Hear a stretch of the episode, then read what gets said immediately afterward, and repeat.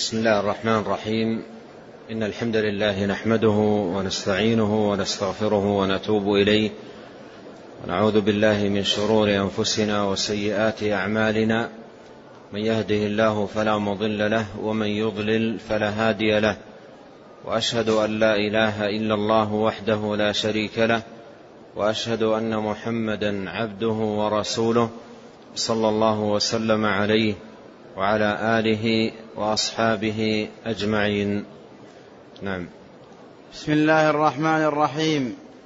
الحمد لله رب العالمين والصلاة والسلام على عبد الله ورسوله نبينا محمد وعلى آله وصحبه أجمعين. قال شيخ الإسلام الإمام محمد بن عبد الوهاب رحمه الله وغفر له في كتابه أصول الإيمان.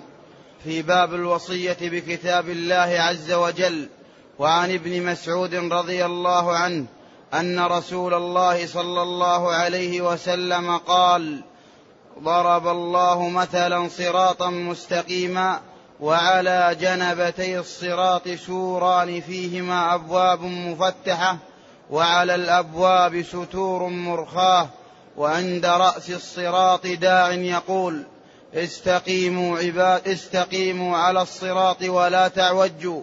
وفوق ذلك داع يدعو كلما كلما هم عبد أن يفتح شيئا من تلك الأبواب. قال ويحك لا تفتحه فإنك إن تفتحه تلجه ثم فسره فأخبر أن الصراط هو الإسلام وأن الأبواب المفتحة محارم, محارم الله.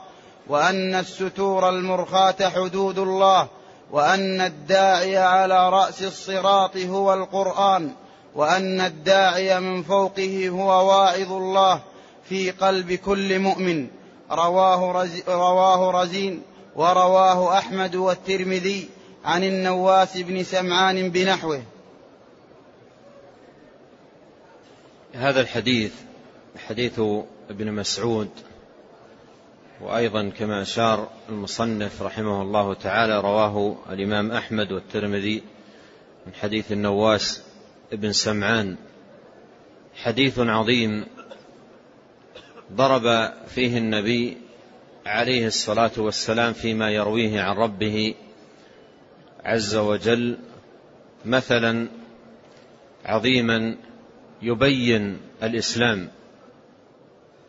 والأمثال لها شأن عظيم ووقع كبير على القلوب ولها فائدة عظيمة في فهم المعاني وإيصال حقائقها وضبطها فإن الأمثال من شأنها أنها تجعل الأشياء المعنوية بمثابة الأشياء المحسوسة الملموسة المشاهدة المعاينة. والقرآن الكريم ضرب الله تبارك وتعالى فيه أمثالا كثيرة. تبلغ أربعين مثلا لبيان التوحيد والإيمان. وكذلك سنة النبي عليه الصلاة والسلام جاء فيها في أحاديث كثيرة ضرب الأمثال. فالأمثال لها شأن عظيم ومكانة عالية في بيان الدين. وينبغي على المسلم أن يرعي هذه الأمثال انتباهه. والله عز وجل يقول وتلك الأمثال نضربها للناس وما يعقلها إلا العالمون. كان بعض السلف إذا مر على مثل من أمثال القرآن ولم يفهمه بكى وقال لست من العالمين. لأن الله عز وجل يقول وما يعقلها إلا العالمون. ولهذا ينبغي أن يستفيد المسلم من هذه الأمثال العظيمة المضروبة في القرآن وفي سنة النبي الكريم عليه الصلاة والسلام. وهذا المثل الذي بين يدينا مثل عظيم مبارك. ضرب لبيان حقيقة الإسلام. ضربه الله تبارك وتعالى لبيان حقيقة الإسلام وتوضيحه. وبيانه بيانا وافيا واضحا بينا. يقول عليه الصلاة والسلام إن الله ضرب مثلا صراطا مستقيما. هذا هو مثل الإسلام. الإسلام مثله مثل الصراط المستقيم. قال الله تعالى وأن هذا صراطي مستقيما فاتبعوه. ولا تتبعوا السبل فتفرق بكم عن سبيله. ذلكم وصاكم به لعلكم تتقون. وفي دعاء المسلمين المتكرر في كل ركعة من كل صلاة في سورة الفاتحة اهدنا الصراط المستقيم صراط الذين أنعمت عليهم. غير المغضوب عليهم ولا الضالين. ويقول جل وعلا وكذلك أوحينا إليك روحا من أمرنا ما كنت تدري ما الكتاب ولا الإيمان ولكن جعلناه نورا نهدي به من نشاء من عبادنا وإنك لتهدي إلى صراط مستقيم. صراط الله الذي له ما في السماوات وما في الأرض ألا إلى الله تصير الأمور. فالإسلام صراط مستقيم. وهنا قوله ضرب الله مثلا صراطا مستقيما يعنى بالصراط المستقيم الإسلام كما سيأتي في الحديث. فالإسلام صراط مستقيم. وسمي الإسلام صراطا مستقيما لأن الإسلام هو وحده الذي يوصل إلى رضا الله تبارك وتعالى وجنات النعيم والنجاة من النار وعذاب الله تبارك وتعالى وعقابه. بيسر وسهولة كما قال عليه الصلاة والسلام إن هذا الدين يسر. ويمتاز هذا الصراط المستقيم بميزات عظيمة. أهمها سعته وسهولته واستقامته. فهذه صفات ثلاث للصراط المستقيم. فهو واسع يستوعب كل داخل وكل راغب في الدخول فيه وسلوكه مهما كثر العدد فإنه يسع لذلك. ولا يقال يوما من الأيام امتلأ الصراط لا مجال لأحد أن يدخل أو يسير. فكل من رغب أن يدخل في هذا الصراط ويسير على صراط الله المستقيم لينال رضاه في أي وقت وفي أي زمان وفي أي بلد الصراط يسعه. الصراط يسعه فهو صراط واسع. والأمر الثاني هو صراط سهل. ليس فيه حزونة وصعوبة وعسر وارتفاع وانخفاض والتواء وانحراف بل هو سهل مستقيم وسهل وليس فيه عسر ولا صعوبة. كما قال نبينا عليه الصلاة والسلام إن هذا الدين يسر. ولن يشاد الدين أحد إلا غلبه. قال عليه الصلاة والسلام يسروا ولا تعسروا.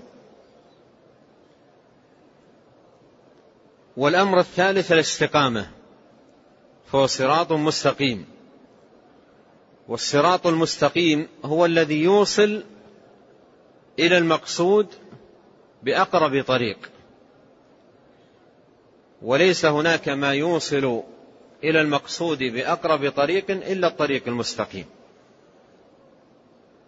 أما الطرق الملتوية المعوجة المنحرفة فهي إما أنها لا توصل إلى المقصود أو توصل إليه بانحراف وبعد والتواء.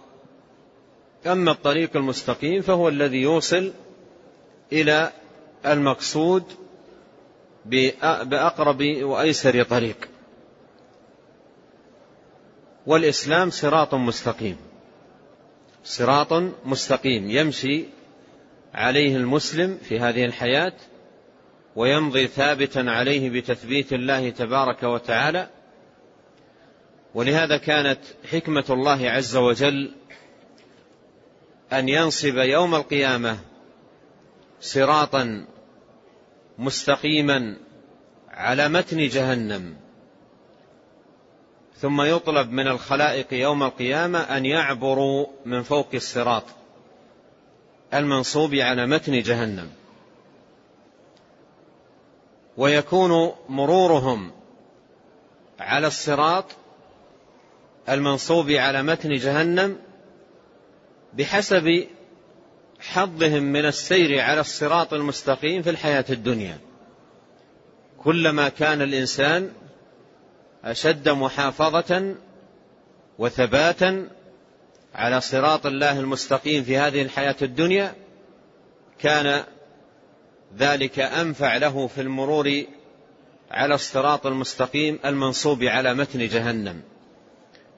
وهذا هو معنى قول الله تعالى وإن منكم إلا واردها كان على ربك حتما مقضيا ثم ننجي الذين اتقوا ونذر الظالمين فيها جثيا فسر النبي صلى الله عليه وسلم الورود بالعبور على الصراط المنصوب على متن جهنم.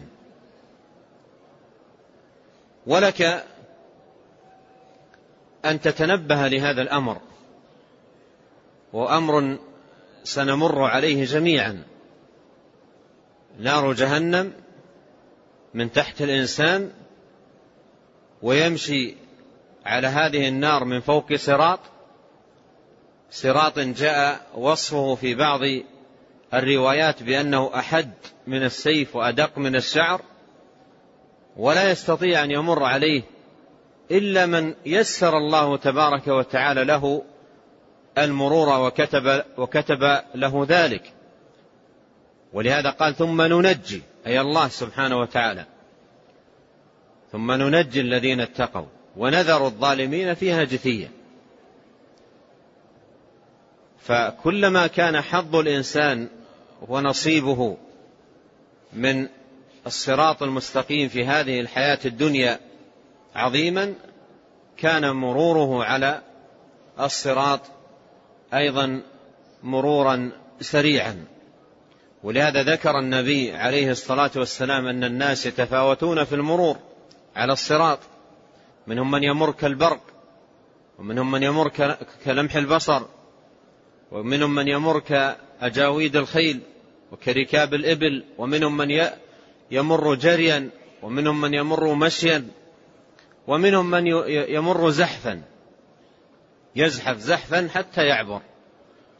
ومنهم والعياذ بالله من يكردس في نار جهنم. وعلى جنبتي الصراط كلاليب. تخطف الناس بأعمالهم.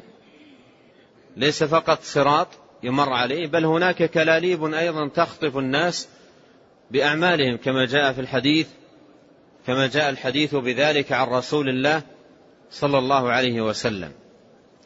ولهذا من الخير للإنسان ما دام على قيد الحياة وفي ميدان العمل أن ينتبه لنفسه وأن يجاهدها على المحافظة على هذا الصراط المستقيم والثبات عليه والاستقامة عليه إلى أن يتوفاه الله تبارك وتعالى وهو عنه راض.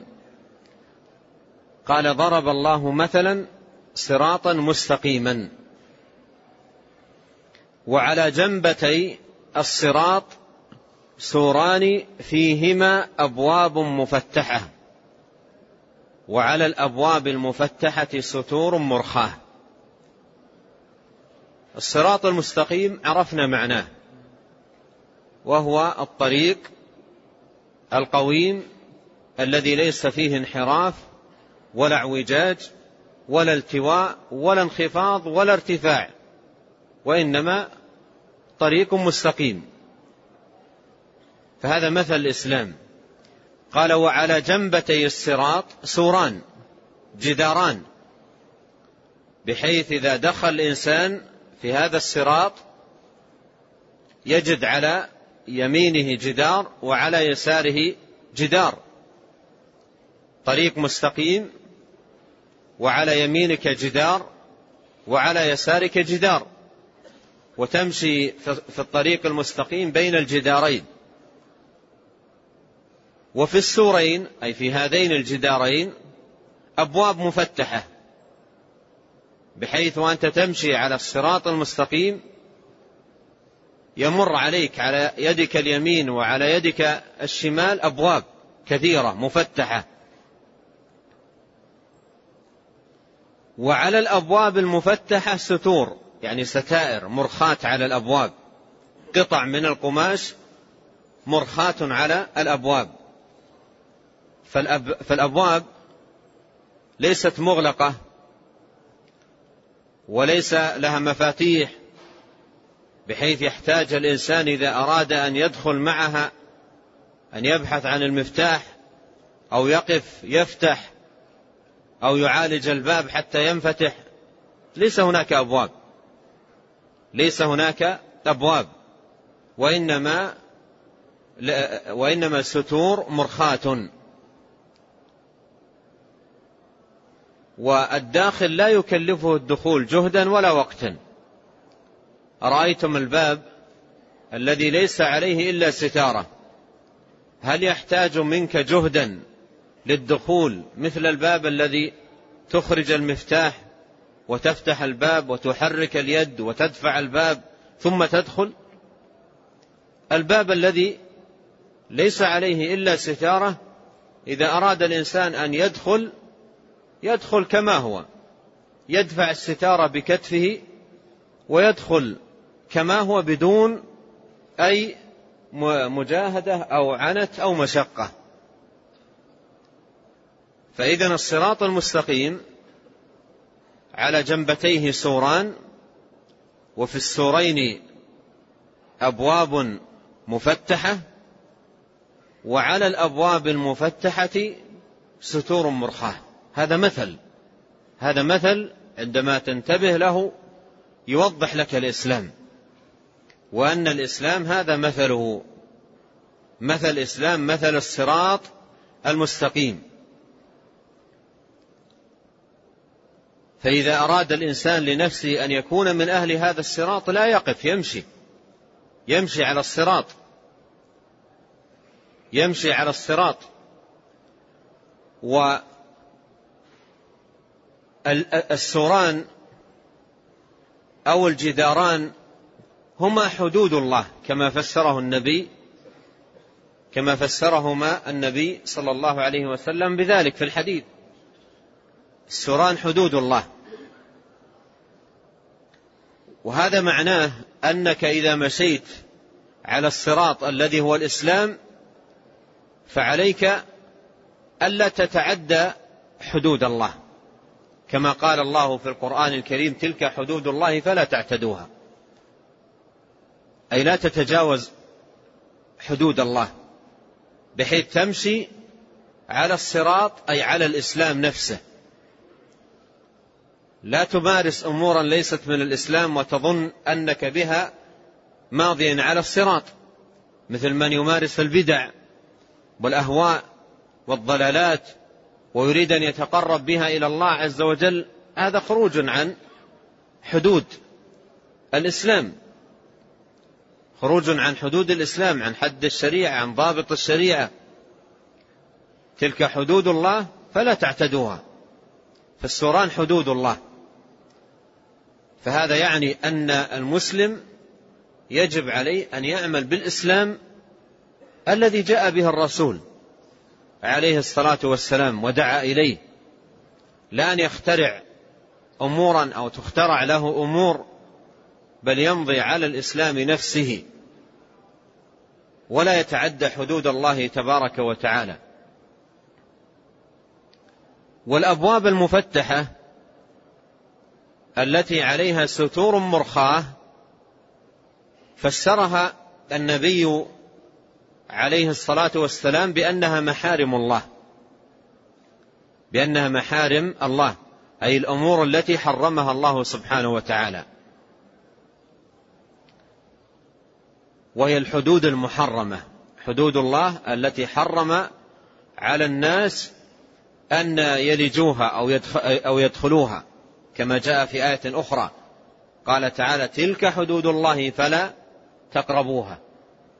لأن الحدود هذه الكلمة تطلق في القرآن ويراد بها الإسلام يراد بها الإسلام الأمر الذي شرعه الله عز وجل وهذا يقال حد أمر الله عز وجل أو نهى الله عز وجل أن نعتديها ونتجاوزه. وتطلق الحدود ويراد بها الحدود التي حرم الله المحرمات. وهذه حدود نهينا أن نقربها. ولهذا في آية قال تلك حدود الله فلا تعتدوها وفي آية أخرى قال فلا تقربوها. والحدود هنا ليست الحدود التي هناك. قال فلا تعتدوها. وهنا قال فلا تقربوها. الذي قال الله فيه فيها فلا تقربوها أي المحرمات وما نهى الله عنه سبحانه وتعالى.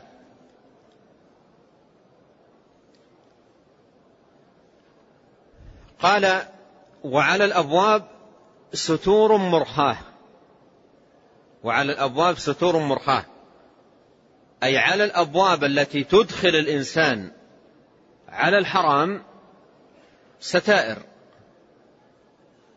ستائر مرخاة بحيث أن الداخل مع هذه الأبواب لا يحتاج إلى وقت. ولهذا ترى الإنسان خرج من بيته إلى المسجد أو إلى طاعة أو إلى بر أو إلى إحسان أو نحو ذلك ثم تعرض له هذه الأبواب في طريقه وتدعوه نفسه إلى الدخول من أحدها فربما دخل ويكون دخوله هذا وقوع في الحرام وقوع في ما نهى الله عنه. وهذه الأبواب المفتحة التي عليها الستائر دل حديث ابن مسعود القادم الآتي عند المصنف الذي قال فيه إن, إن, النبي صلى الله عليه وسلم خط خطا مستقيما وعلى وجعل على جنبتيه خطوط وقال هذا صراط الله وهذه سبل وعلى كل سبيل منها شيطان. هذه الرواية تدل على أن هذه الأبواب إضافة إلى كونها مفتحة هناك على كل باب شيطان يدعو.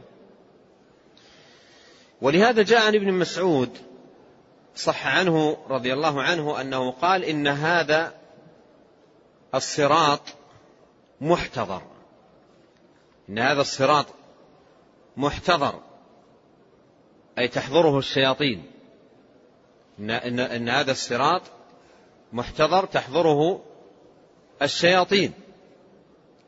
وينادون هكذا يقول ابن مسعود. وينادون.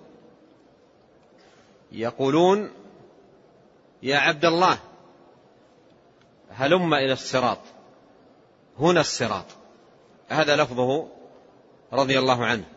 ينادون هلم إلى الصراط هنا الصراط. فالشيطان لما يدعو الإنسان إلى الدخول مع هذه الأبواب يناديه للدخول معها مشعرا له أن دخوله مع هذه الأبواب ليس خروجا عن الصراط. لا يقول له ادخل من, من هنا هذا طريق النار. نار, نار جهنم. هذا طريق سخط الله. يدخله فيها ويشعره أنه لا زال على الصراط. وأنه لما يخرج عن الصراط يقول له يا عبد الله هذا الصراط. هلم إلى الصراط. يناديه بمثل هذا النداء. وليست الأبواب المفتحة بابا واحدا أو اثنين أو ثلاثة بل هي أبواب كثيرة. بمعنى أن الإنسان على طول سيره على الصراط لا تزال تعرض له هذه الأبواب عن يمينه وشماله. وهذا فيه تنبيه على ماذا؟ أن الإنسان ينبغي أن يكون على حذر من هذه الأبواب إلى أن يتوفاه الله. وهو في مجاهدة لنفسه ألا يدخل مع شيء من هذه الأبواب التي تفضي به إلى الحرام وتجعله يقتحم الباطل وتجعله يقتحم الباطل بل يتقي الله سبحانه وتعالى ويحذر من هذه الأبواب. والنفس فيها فضول وفيها رغبة في التطلع والنظر إلى ما منعت منه وحرم عليها. فالنفس فيها فضول. باب وفيه ستارة تقول له النفس افتح الستارة قليلا. افتح الستارة لا تدخل. افتح الستارة قليلا انظر ماذا بالداخل. وإذا طاوع نفسه وفتح الستارة قليلا قال قالت له نفسه النظر هذا من الباب ما يكفي. ادخل خطوة واحدة أو خطوتين حتى تنظر الأمر. وهكذا الشيطان من جهة والنفس الأمارة بالسوء من جهة أخرى. ثم يقع من من يقع في الدخول فيما حرم الله سبحانه وتعالى. وكما قلت النفس فيها فضول وميل لما منعت منه. حتى قيل أن حتى قيل لو أن الناس قيل لهم لا تفتوا البعر. لو قيل للناس لا تفتوا البعر البعر تعرفونه الذي يخرج من بهيمة الأنعام. لو قيل لهم لا تفتوا البعر ممنوع فت البعر. لقال الناس في داخله در. لقال, لقال الناس في داخله در. لم نمنع من فته إلا في داخله در. ثم يذهبون ويفتون البعض فالنفس فيها شيء من الميل والتطلع لما تمنع منه. فمثل هذه الأبواب فيه في, في, في النفس دواعي لا تزال تتكرر على الإنسان. وكلما قويت الفتنة وداعي الفتنة كان هذا أشد على الإنسان في الابتلاء في, في هذه الأبواب التي على على يمينه وعلى يساره. وهذا يؤكد أن العبد ينبغي عليه أن يجاهد نفسه على الثبات على هذا الصراط وأن يكون نظره وأن تكون نظرته نظرة بعيدة وعميقة. ينظر نهاية الصراط ولا ينظر للفتن التي تعصف حوله بل تتعلق همته ونظره في نهاية الصراط. سئل ابن مسعود رضي الله عنه الصراط ما هو؟ الصراط ما هو؟ قال هو طريق تركنا النبي صلى الله عليه وسلم في أوله ونهايته في الجنة. هذا هو الصراط. طريق تركنا النبي عليه الصلاة والسلام في أدناه ونهايته في الجنة. هذا هو الصراط. قال وعلى جنبتي الصراط جواد أي طرق تخرج الإنسان من هذا الصراط. فالإنسان يكون نظره نظر بعيد عميق الجنة رضا الله النجاة من النار. كل ما دعاه داع للدخول مع هذه الأبواب ذكر نفسه بالجنة والحرمان منها والنار والخوف من دخولها وسخط الله عليه وغضبه منه. فتمنعه مثل هذه النظرة والتطلع الرفيع العالي من الدخول من هذه الأبواب الملوثة الأبواب المضرة الأبواب السيئة التي يحرم بالإنسان بدخولها سعادة الدنيا والآخرة ولذة الدنيا والآخرة. قال وعند رأس الصراط داع يقول استقيموا على الصراط ولا تعوجوا. عند رأس الصراط داع يقول استقيموا على الصراط ولا تعوجوا. وفسر النبي عليه الصلاة والسلام هذا الداعي بأنه القرآن. وهذا هو الشاهد لسوق المصنف رحمه الله تعالى هذا الحديث في هذه الترجمة لأن فيه وصية بالقرآن ووصايا القرآن والعناية بها والاهتمام والاستجابة لداعي القرآن وأنك كلما أعطيت نفسك عناية واهتماما وعناية بكتاب الله عز وجل كان ذلك من أعظم أو أعظم الأمور المعينة لك على الثبات على صراط الله المستقيم. ولا يتحقق للإنسان ثبات على صراط الله المستقيم إلا بالعناية بالقرآن الكريم. كما قال الله جل وعلا واعتصموا بحبل الله جميعا ولا تفرقوا فمن فمن اعتصم بحبل الله بكتاب الله تمسك به وعمل به هدي إلى صراط مستقيم. ثم ذكر عليه الصلاة والسلام قال وفوق ذلك داع يدعو. فوق ذلك أي فوق الصراط. في بعض الروايات من جوف الصراط. داع يدعو. كلما هم عبد أن يفتح شيئا من تلك الأبواب أي الأبواب التي على جنبتي الصراط كلما هم أن يفتح شيئا من تلك الأبواب قال ويحك لا تفتحه فإنك إن تفتحه تلجه. ذكر عليه الصلاة والسلام داء يدعو من فوق الصراط أو من جوف الصراط كلما هم العبد أن يفتح شيئا من هذه الأبواب ليدخل قال له هذا الداعي يا عبد الله لا تفتح الباب لا تفتح الباب فإنك إن تفتحه تلجه إذا فتحت الباب تدخل. وهذا فيه تنبيه أشرت إليه قريبا وهو أن الإنسان عندما يمر بهذه الأبواب يحتاج إلى مجاهدة لنفسه لأن نفسه تأخذه في الدخول إلى هذه السبل والدخول مع هذه الأبواب تأخذه أخذا تدريجيا. تقول له نفسه ويقول له الشيطان افتح الباب فقط. نظرة سريعة وأنت ماشي. لا تقف. انظر نظرة سريعة وامضي. إذا نظر إذا إذا نظر إذا فتح الستارة ونظر دخل. لا تفتح الباب.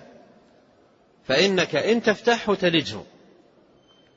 لأنه إذا فتح الباب ونظر إلى إلى الحرام ودخل إلى قلبه من خلال النظر أو من خلال السماع أمور الحرام أصيب بمرض القلب. إما مرض الشبهة أو مرض الشهوة. والشبهة والشهوة منافذها على الإنسان السمع والبصر. ولهذا قال لا تفتح الباب. امضي على سير سيرك على صراط الله المستقيم. ما هو هذا الداعي الذي من فوق الصراط أو من جوف الصراط الذي ينادي في كل مرة يفكر فيها الإنسان أن يفتح الباب يناديه ويقول لا تفتح الباب فإنك إن تفتحه تلجه. قال قال النبي عليه الصلاة والسلام ذلك واعظ الله في قلب كل مسلم. وهذه نعمة من الله سبحانه وتعالى جعلها في قلوب أهل الإيمان. جعل في قلبه واعظا. جعل في قلبه واعظا جعل في قلبه زاجرا ناهيا. كل ما أراد أن يفتح شيئا من, من هذه الأبواب وعظه. وهذه الموعظة يحس بها المسلم المستقيم على صراط الله المستقيم. المحافظ على طاعة الله وعلى الصلاة وعلى عبادة الله. إذا دعته نفسه الدخول مع شيء من هذه الأبواب أو دخل في فيها ودخل في أولها أنكر قلب نفسه وأحس في في قلبه نفرة من هذا وكراهية وربما شعر في قلبه ألما واضطرابا وعدم وعدم ارتياح وأحس بوخز في قلبه وأحس بضيق هذا واعظ له. الطريق الذي دخلت معه ليس طريقك ليس طريقك. والقلب خلق لعبادة الله سبحانه وتعالى والذل له فإذا أدخل في الأهواء اضطرب. وتشوش. فإذا دخل جاءه هذا الواعظ في قلبه واعظ الله في قلب كل مسلم. ولكن كما يقال كثرة الإمساس تقلل الإحساس. فإذا دخل الإنسان وجاءه هذا الواعظ ومضى لم يبالي وتعمق وبدأ الواعظ يخف وتعمق تبلد. وأصبح يتوغل في الحرام ولا يشعر وهذه خطورة الدخول في المحرمات والتوغل فيها والمضي فيها خطورة شديدة على الإنسان. ومثل هذا الإحساس المبارك الشعور الطيب الذي جعله الله في قلب المسلم يتبلد شيئا فشيئا.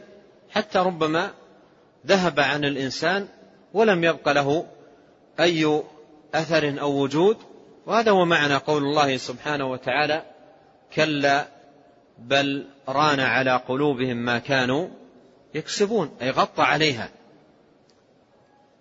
غطى عليها وفسر الران بأنه إذا أذنب الذنب نكت في قلبه نكتة سوداء. وإذا أذنب الذنب الآخر نكت في قلبه نكتة سوداء حتى يغطى القلب. فلا يعرف معروفا ولا ولا ينكر منكرا ويتبلد تماما. نسأل الله عز وجل لنا جميعا العافية والسلامة.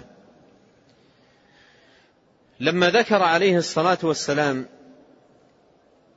المثل فسره. ولهذا قال ثم فسره. فأخبر أن الصراط هو الإسلام. وأن الأبواب المفتحة محارم الله أي الأمور التي حرمها الله سبحانه وتعالى على عباده.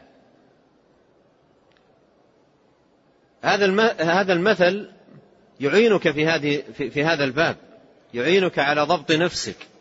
إذا مضيت إذا مضيت في طريق الاستقامة وطريق الثبات على الحق ثم دعتك يوما نفسك لفعل أمر محرم تذكر الصراط. وقل الآن إذا دخلت في هذا المحرم معنى أنني فتحت الستارة ودخلت.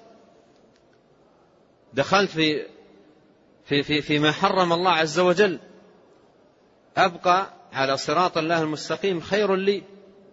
لأفوز برضا الله. لأفوز بثوابه سبحانه وتعالى. ولهذا الشهوات تحف الإنسان من جوانبه. حفت الجنة حفت, حفت الجنة بالمكاره وحفت النار بالشهوات. فهذه شهوات تأتي على يمين الإنسان وعن يساره إذا دخل فيها أدخلته النار لأن النار محفوفة بالشهوات. فيتقي الإنسان ربه عز وجل ويجاهد نفسه. قال ثم فسره. فأخبر أن الصراط هو الإسلام. وأن الأبواب المفتحة محارم الله. وأن الستور المرخاة حدود الله. وأن الداعي على رأس الصراط هو القرآن وأن الداعي من فوقه هو واعظ الله في قلب كل مؤمن. هو واعظ الله في قلب كل مؤمن. فهذا مثل عظيم مبارك. نسأل الله العظيم رب العرش العظيم بأسماء الحسنى وصفاته العليا أن ينفعنا به. ولهذا المثل أو لهذا الحديث شرح من أجمل وأبدع ما يكون للحافظ بن رجب رحمه الله تعالى. سماه شرح حديث مثل الإسلام.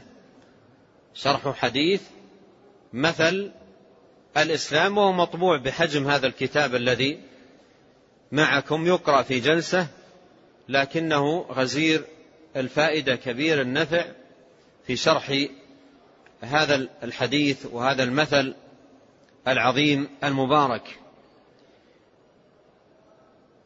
وأورد رحمه الله يعني ابن رجب في فيما أورد في شرحه لهذا الحديث قصة أحد أصحاب النبي عليه الصلاة والسلام والحديث في صحيح مسلم وعبد الله بن سلام أنه رأى في المنام رؤيا عجيبة وعرضها على النبي عليه الصلاة والسلام وفسرها له. يقول بين أنا نائم إذ أتاني آت وأخذ بيدي وانطلق بي. فمررنا على جواد على شمالنا فأردت أن آخذ فيها أي أسير في تلك الجواد فقال لي لا تذهب من هنا.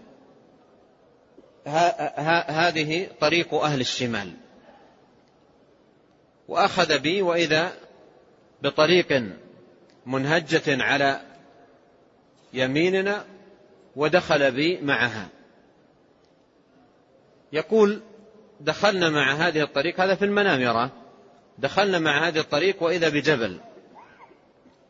فأردت أن أرقى هذا الجبل. يقول فكلما صعدت شيئا من هذا الجبل سقطت على أستي على قفاي. يقول وكلما صعدت سقطت ما استطعت أن أصعد. يقول فأخذ بيدي وإذا بعمود طرفه في السماء وأسفله في الأرض. عمود ممتد طرفه في السماء وأسفله في, في, في الأرض. وعند أعلاه عروة. العروة هي ما يتمسك به. فقال لي اصعد. قلت كيف أصعد؟ يعني هذا عالي ما أستطيع. قال فأخذ بي بيدي وصعد بي حتى وصلنا إلى أعلى العمود وتمسكت بالعروة التي في أعلى في السماء يقول فتمسكت بالعروة. فضرب هذا الذي معه ضرب العمود فسقط العمود وبقي متمسك بالعروة. يقول استيقظت من النوم. فذهبت إلى النبي عليه الصلاة والسلام وذكرت له رؤياي. قال الطريقة التي الطرق التي رأيتها على شمالك هذه طرق أهل الشمال.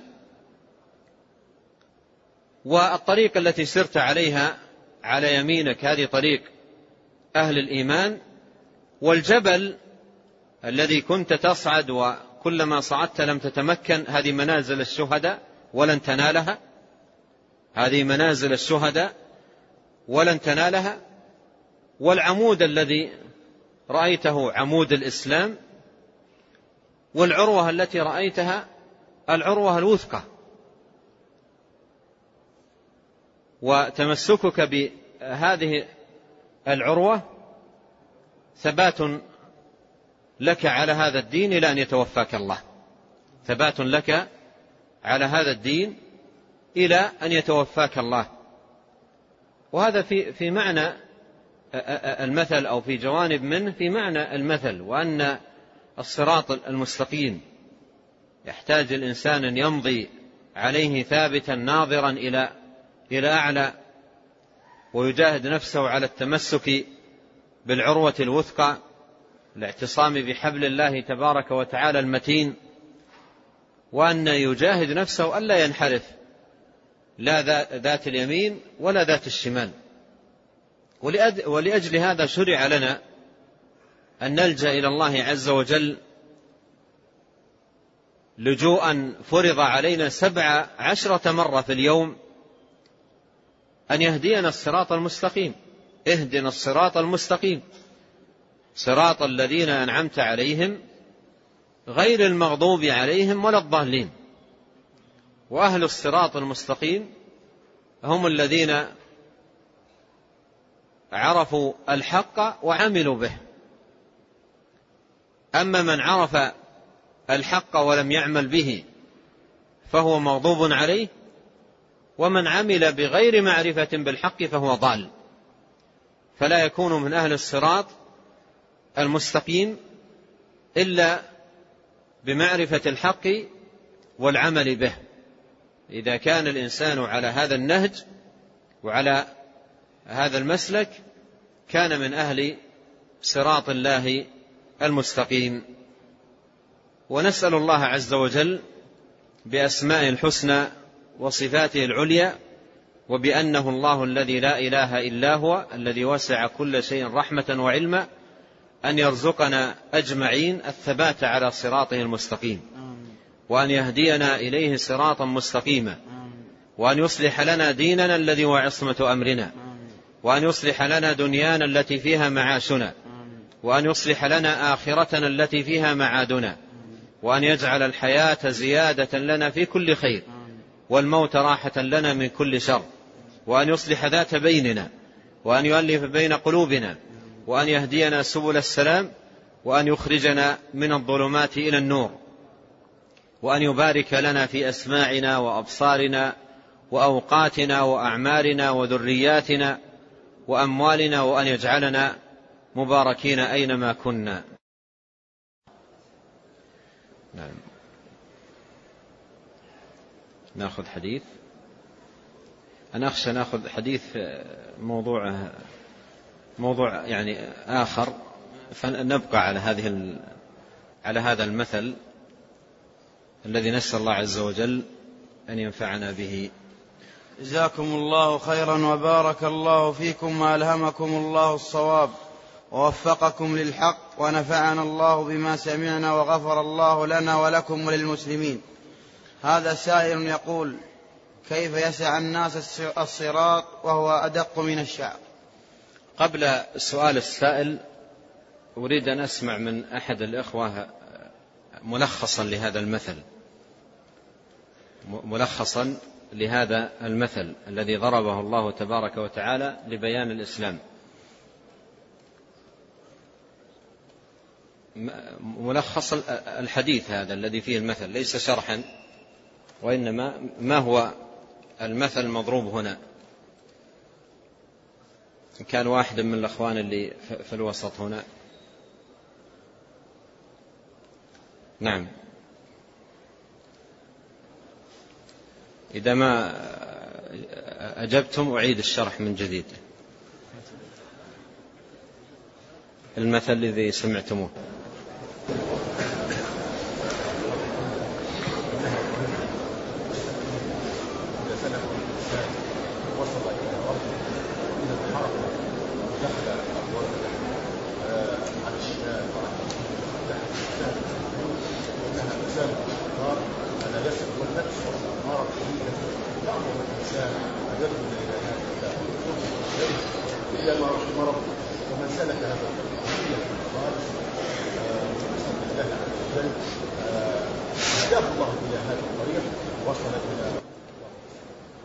أسأل الله أن يثيبك هذا كتابي لك. من يعيد لنا المثل بس ما معي كتاب الآن. تفضل. معي نظارتي وأحتاج إليها. نعم.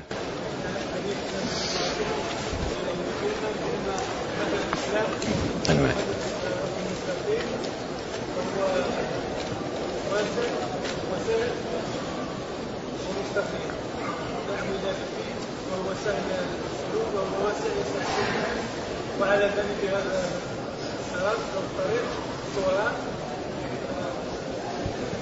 امتداد هذا الصور في ابواب على الشمال عليها سطور يعني سهل في والدخول وهذه الصراط تمثل أدلة تمثل حدود الله وهذه الابواب هي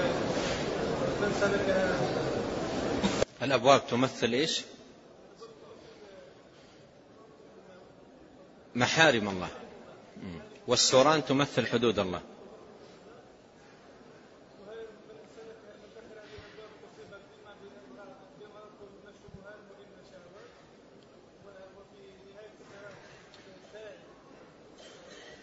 وعلى رأس الصراط داع